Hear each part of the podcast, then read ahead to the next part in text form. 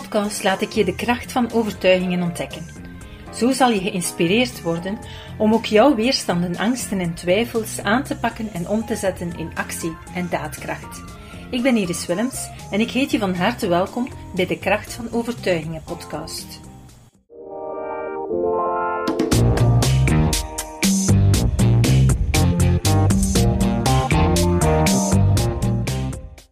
Vandaag in deze podcast wil ik het hebben over het feit dat veel mensen het gevoel hebben zich te ergeren als anderen een andere mening hebben. Heb jij daar ook last van? Heb je vaak het gevoel om kwaad te worden als je hoort dat iemand anders een andere mening uit? Of voel je je gekwetst als iemand een mening uit? Of voel je zelfs machteloosheid of gefrustreerd? Wel, daar gaan we het vandaag over hebben. In deze podcast wil ik je laten stilstaan bij het feit dat al deze gevoelens eigenlijk getriggerd worden door onbewuste overtuigingen, zaken die we hebben meegemaakt en die eigenlijk emoties gaan activeren, die vaak niets te maken hebben met, met wat die persoon op dat moment eigenlijk zegt. Um, wil je daarmee aan de slag gaan? Vooral we starten met de podcast wil ik nog even herinneren aan het feit dat um, op 24 mei start ik een 22 dagen challenge ter gelegenheid van mijn verjaardag. Een heel uitzonderlijke actie die ik ga doen, waarbij ik elke dag van 12 tot 1 jullie ga begeleiden.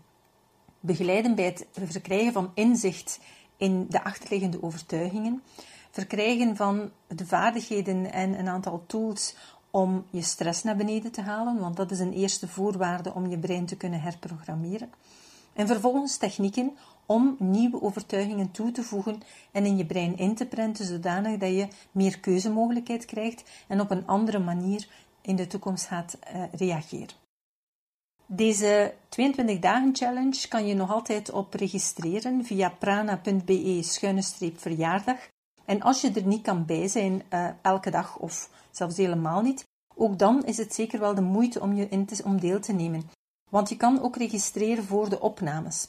Dan krijg je onbeperkt toegang tot de opnames en kan je alle oefeningen, alle stappen die we daarin doorlopen in die 22 dagen, onbeperkt in de toekomst blijven herhalen en oefenen. Dus het is zeker de moeite waard, ook al kan je er niet bij zijn, om toch mee te doen met de challenge. En dan kan je eventueel op een ander moment van diezelfde dag, s'avonds bijvoorbeeld, um, gaan luisteren naar de opname. Je vragen kan je ook altijd weer stellen, omdat er ook een, um, een groep aangekoppeld is, een gesloten uh, VIP-groep, die al zijn ervaringen en zijn vragen over dat thema, over de 22 dagen challenge, kan gaan stellen. Dus um, laat je niet weerhouden door het feit dat je misschien over de middag niet beschikbaar bent, um, maar doe er vooral aan mee, want je zal echt wel stap per stap bij de hand genomen worden om dag na dag veel meer inzicht te krijgen in je overtuigingen. Goed, dus als je wil meedoen, prana.be schuine streep verjaardag. En dan hoop ik dat je erbij eh, bent. Er zijn nog een aantal plaatsen, want het aantal uh, plaatsen is beperkt. Uh, momenteel kan je nog, uh, nog registreren, zijn er nog een paar plaatsen vrij. Vandaag gaan we het dus hebben over het gevoel dat je je ergert in de mening van anderen. Ik had onlangs, um, eigenlijk in de laatste weken, een paar keer zelfs, gesprekken met mensen die in dergelijke situaties zaten. Ik, ik ga ze anonimiseren, dus ik ga ze persoon A en persoon B noemen. Omdat ik het wel heel interessant vond en ik merk dat heel veel mensen daarmee te maken hebben, vind ik het belangrijk om dit verhaal hier te brengen. Um, en persoon A, die had een mening En persoon B, die had een andere mening. Die had die ook geuit. En ja, daar ontstond een stukje vrevel tussen beiden. En de ene verweet de andere dat, uh, dus persoon A verweet persoon B, dat hij eigenlijk um, ja, zijn mening niet mocht uiten. Dat, um, dat A het gevoel had van: ik word hier de mond gesnoerd, ik, uh, ik mag hier weer mijn, mijn gedacht niet zeggen, um, ik mag niet verschillen van mening. Want B had A gevraagd om erover te stoppen, omdat B ook eigenlijk daar heel erg een slecht gevoel van kreeg. En ja, ik, ik had dat um, vastgesteld, ik had dat uh, gemerkt. Beide ken ik zelf en hadden mij daarover ge gepraat. Um, dus ik heb beide los van elkaar adviezen gegeven om daaraan te werken. Want bij beide personen, zowel de persoon A als persoon B, zitten er eigenlijk triggers. En dat is hetgene waar ik u hopelijk vandaag wil gaan laten bij stilstaan.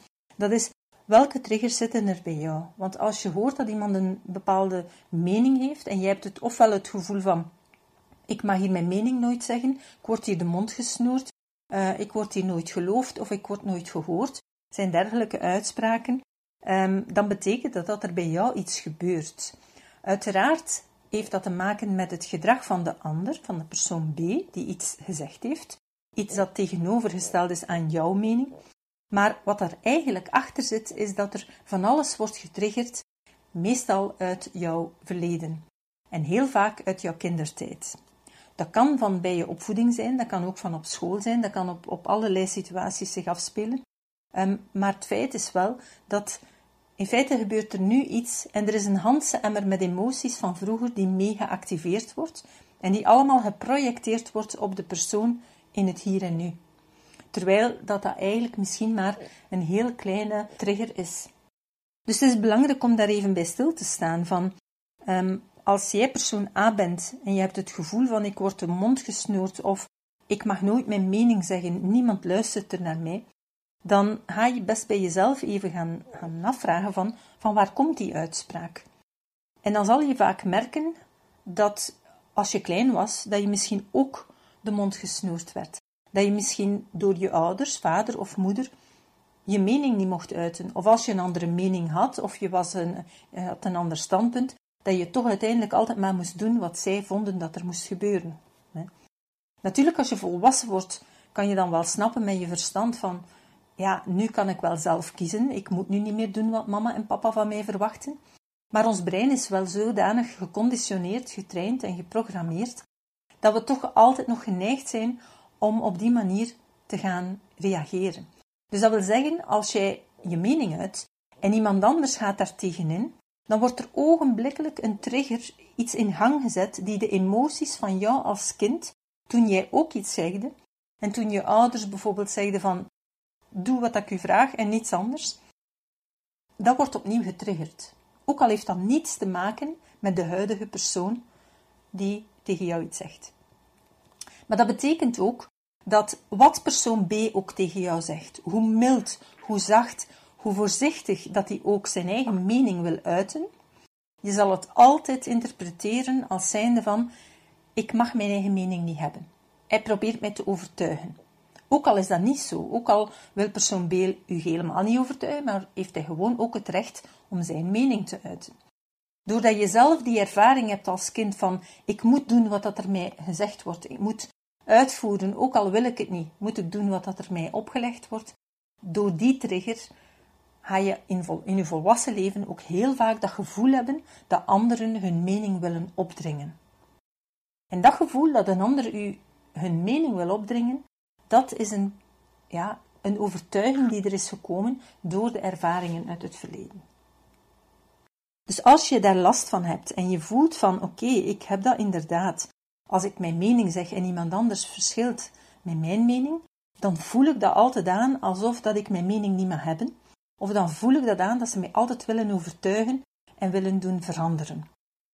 Sta daar dan bij stil en ga even nadenken over hoe komt dat? Van waar komt dat? Wat heb ik ooit als kind allemaal gehoord, ervaren? Hoe is mijn opvoeding geweest? Want meestal komt het vandaar. Eenmaal dat je weet van oké, ja, ja, inderdaad, ik ben zo opgevoed, dan is het belangrijk om te gaan zoeken naar wat zijn nu de overtuigingen die daarachter zitten en welke overtuigingen zou ik mezelf kunnen gaan inprenten, zodanig dat ik eigenlijk ja, een tegenovergesteld gevoel krijg, of dat ik op zijn minst niet meer elke keer in het verweer ga. Overtuigingen die je jezelf in dit kader zou bijvoorbeeld kunnen inprenten is: ik mag mijn eigen mening hebben. En ik weet dat er heel veel mensen zeggen van ja, ik weet wel dat ik mijn eigen mening mag hebben, maar een ander die gunt mij dat niet en um, ik, ik, ik blokkeer ook elke keer als iemand er tegenin gaat of ze willen mij overtuigen. En dat toont aan dat je eigenlijk Um, rationeel weet je dat je je mening mag hebben, maar het zit niet ingeprent in je onderbewustzijn. Je onderbewustzijn zit nog altijd met het stemmetje van: ik moet mij aanpassen aan de ander, ik moet doen wat dat een ander denkt en ik mag mijn eigen mening niet hebben. Hè? Dus van het moment dat je voelt van, dat je niet spontaan het uitvoert en dat je elke keer nog in conflict komt, dan betekent dat dat het nog altijd bij weten blijft en niet bij de overtuiging zit. Een andere overtuiging die je kan inprenten is: ik mag mijn mening uiten. Er is nog een verschil tussen ik mag mijn mening hebben en ik mag die ook uiten. Ik aanvaard dat anderen een andere mening hebben dan mezelf. Dat is een heel belangrijke, want heel vaak willen we van een ander ehm, dat ze ons de mening laten, maar we aanvaarden zelf niet dat een ander een andere mening heeft. Dus de beide zijn nodig. Je kan niet van een ander verwachten dat zij jouw mening respecteren als jij die van een ander niet respecteert. Dus ook ik aanvaard dat anderen een andere mening hebben dan mezelf is cruciaal om in te prenten.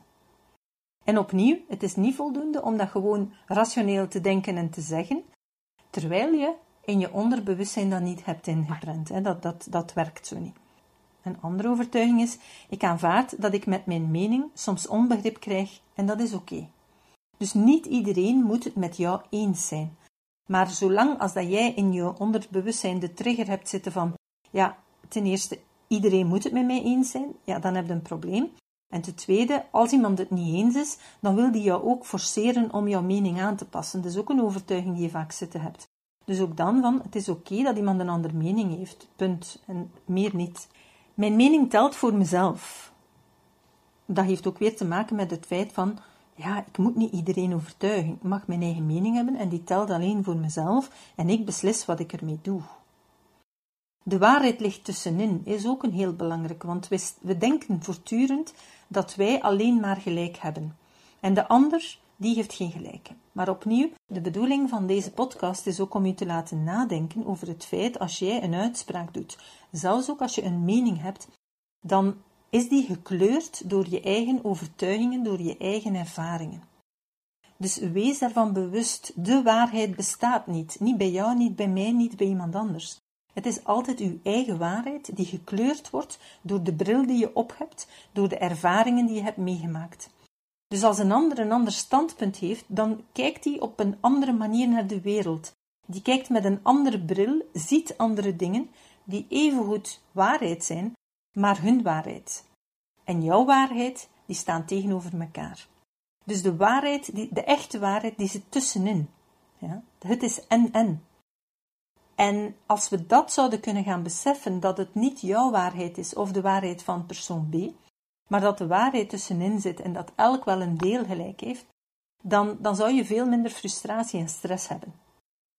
Als je bovendien kan gaan zoeken naar waarom reageer ik zo, waarom is dit mijn waarheid, dan zal je achterhalen dat het wereldbeeld veel breder is en ga je ook veel relaxer door het leven gaan, gaat veel kunnen nuanceren, relativeren en beseffen dat er niets is die zomaar de totale waarheid omvat, want ieders leven kleurt zijn eigen bril en zijn eigen gedrag, zijn eigen reacties. Dus de waarheid ligt tussenin is een belangrijke overtuiging om in te prenten. Ik stel me open voor andere meningen en maak dan mijn eigen keuze. Ook dat is weer zoiets, hè, zoals ik daarnet zei. Uw eigen mening is een gekleurde bril. Stel u open voor andere meningen, probeer te achterhalen waarom zeggen ze zoiets, van waar komt die, die opmerking, wat zit daarachter, wat, zit, wat is de drijfveer daarachter, en vraag u dan af van, ja, is dat zo? Zit daar misschien wel een toevoeging in, in hoe ik het zie, want dan wordt het misschien veel rijker, jouw mening. En dat betekent niet dat je daarom zomaar volledig de mening van een ander moet overnemen. Als iemand een mening verkondigt waar ik het niet mee eens ben, dan zeg ik mijn mening, maar laat het daarna los. En ik ga er niet verder op in. Ook dat is een overtuiging die heel veel kan helpen. Je hoort de overtuiging van de ander, je hoort de andere mening, maar je laat het los en je aanvaardt dat de ander een andere mening kan hebben dan jij. Het is niet een wedstrijd om gelijk te halen. Elk heeft recht van spreken, elk heeft zijn recht om zich te uiten. Maar heel vaak gaan mensen die zich aangevallen voelen, eigenlijk juist hetzelfde doen bij een ander, want ze willen gelijk halen, gaan harder roepen, gaan harder hun overtuiging gaan naar buiten brengen, roepen constant dat ze niet gehoord worden, zeggen voortdurend dat een ander geen rekening met hen houdt, maar dat heeft te maken met achterliggende gevoel vanuit uw kindertijd. Als je dat toen hebt beleefd, dan wordt Hans die emmer met emoties door een actuele situatie naar boven gehaald en ga je eigenlijk alles van vroeger mee naar boven halen. En dat is wat we dikwijls ook, als we het gaan uitspreken, van ja, ik ken zo, hè, ik heb dat al genoeg meegemaakt, wat we dikwijls zeggen, we halen oude koeien uit de sloot. En dat is eigenlijk wat dat er effectief gebeurt. Je hebt een heleboel aan herinneringen, emoties, ervaringen, die in je brein zitten gestockeerd, die door iets of door iemand of door een uitspraak zijn verbonden. En van het moment dat er maar een kleine vergelijking gebeurt in je huidige leven, dan wordt dat getriggerd en wordt Hans die emotie naar boven gehaald, buiten proportie, helemaal niet dus in verhouding met wat er eigenlijk actueel aan de hand is. Bij de andere persoon, degene waarmee je in discussie gaat, kan ofwel juist hetzelfde aan de hand zijn, hè, dus dat hij ook het gevoel heeft van, zie je, luistert niet naar mij, en dan gaan jullie tegenover elkaar alsmaar harder gaan roepen en elkaar alsmaar harder verwijten dat je de ander niet um, laat uitspreken, dat je niet open staat voor de mening van een ander, dat je je mening, mening wil opdringen enzovoort. Dus eigenlijk, ja, verwijt de ene de andere, terwijl je met identiek hetzelfde probleem zit. Bij persoon B, die de reactie uh, had, die dus eigenlijk zijn mening tegenover persoon A had geuit, die werd ook weer getriggerd door de mening van persoon A. Want die had het gevoel van dat persoon A bepaalde uitspraken, bepaalde meningen uitte en dat hij dat bewust deed om iemands gevoel, persoon B zijn gevoel, eigenlijk onderuit te halen, om die te kwetsen, om die ja, een goed gevoel te ontnemen. En die zei: Ik ken dat soort mensen. Um, als je dan je goed voelt of als het goed gaat, dan proberen ze je onderuit te halen. Het feit dat hij zegt: Ik ken dat soort mensen, zij proberen dat, dat toont heel duidelijk aan dat het gaat over overtuigingen. Ja.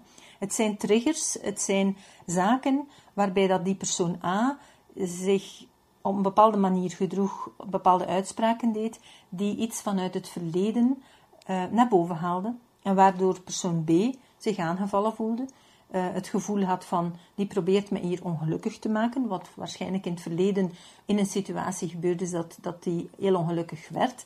En dan, blijft, dan gaat het er hem niet over of dat dat bewust de doelstelling van die persoon was geweest, zelfs vroeger niet.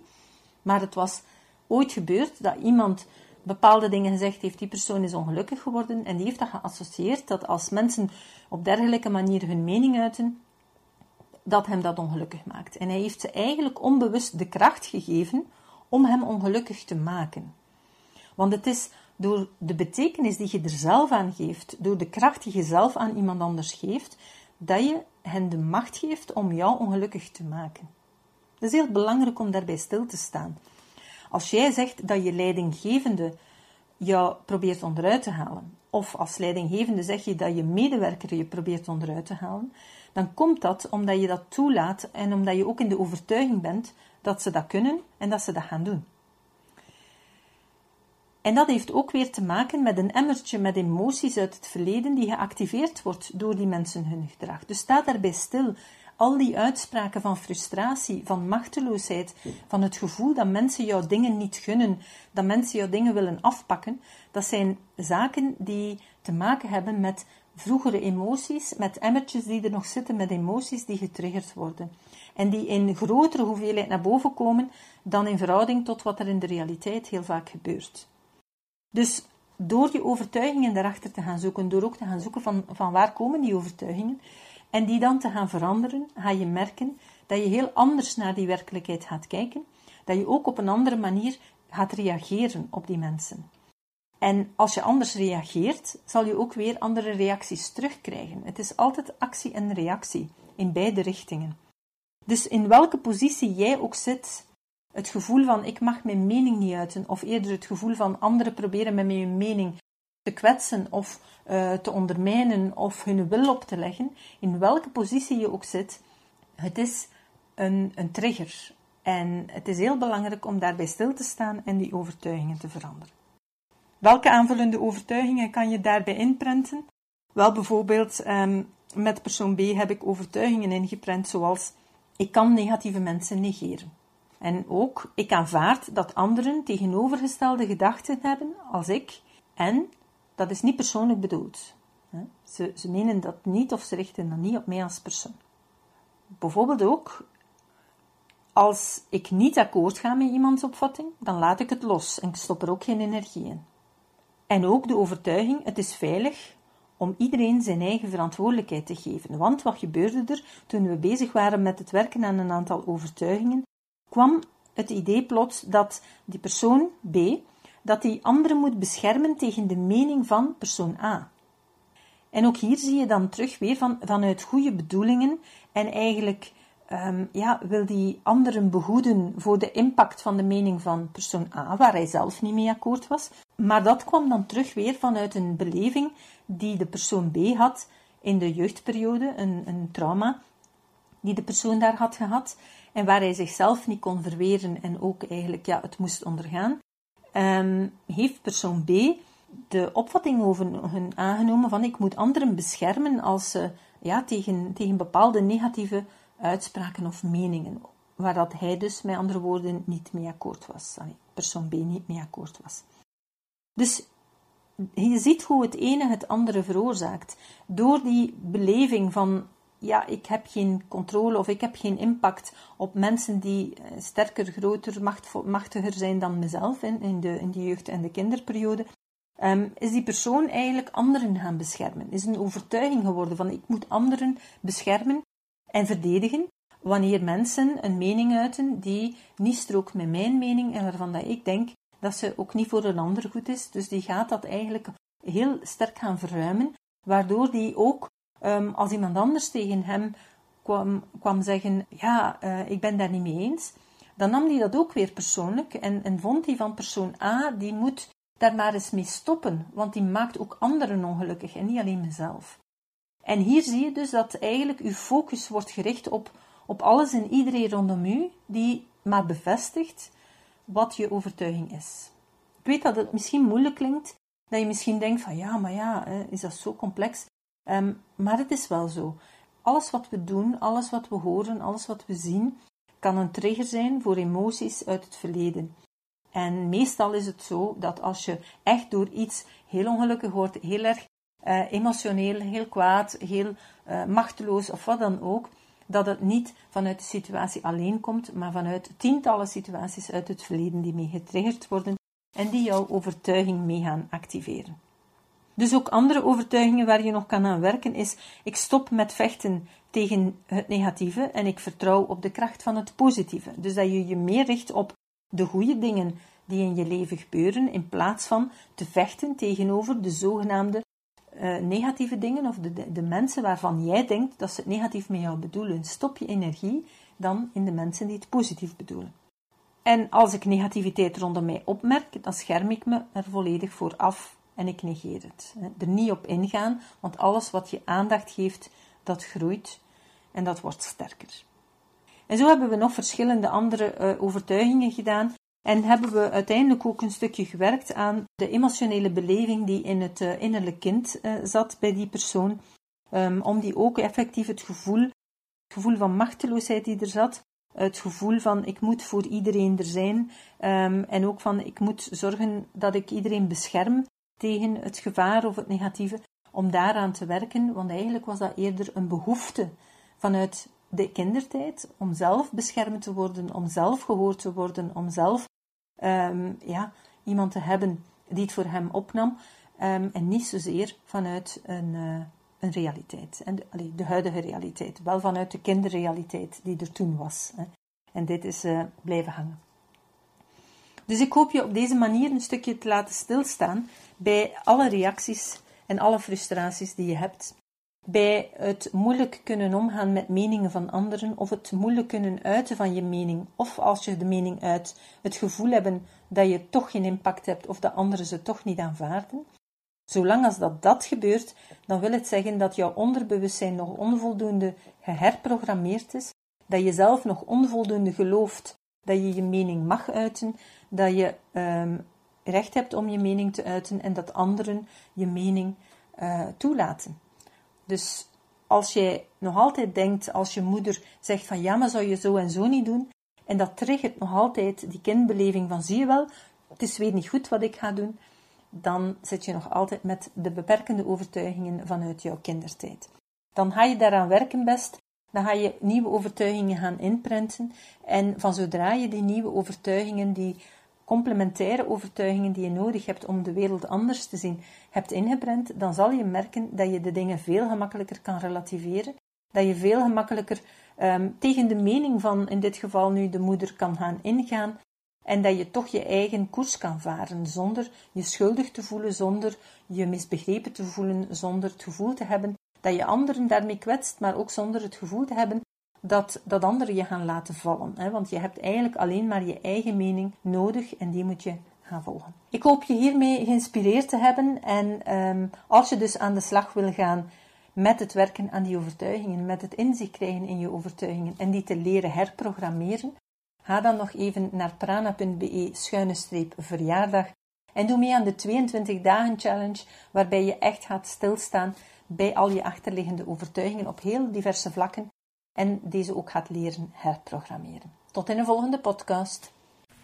Super tof dat je hebt geluisterd naar de Prana Mental Excellence podcast. Ik hoop dat je het waardevol vond en dat je er inzichten uit hebt kunnen halen voor jezelf en voor je eigen business. Vond je het een waardevolle podcast, dan zouden we het heel erg waarderen als je dit zou willen delen. Enerzijds door dit te delen via je eigen Instagram of LinkedIn. Maar wat we nog meer zouden waarderen als je tijd en moeite zou willen nemen om ons een review achter te laten. Werk je met een Apple-telefoon, dan kan je dat doen binnen je eigen podcast-app door daar een review te geven. Geef ons een x aantal sterren met daarbij een korte motivatie wat je van onze podcast vindt. En werk je met een Android-telefoon, dan zie je dat de meeste apps geen review-mogelijkheid hebben. Wat we dan heel erg zouden waarderen, is als je op Google Prana Mental Excellence zou willen intypen en vervolgens via de Google Review sectie iets zou willen vertellen over Prana, wat je van ons vindt en wat je aan onze podcast hebt gehad. Alvast heel erg bedankt. Ik hoop dat je er volgende week weer bij bent bij onze volgende aflevering van de Kracht van Overtuigingen podcast.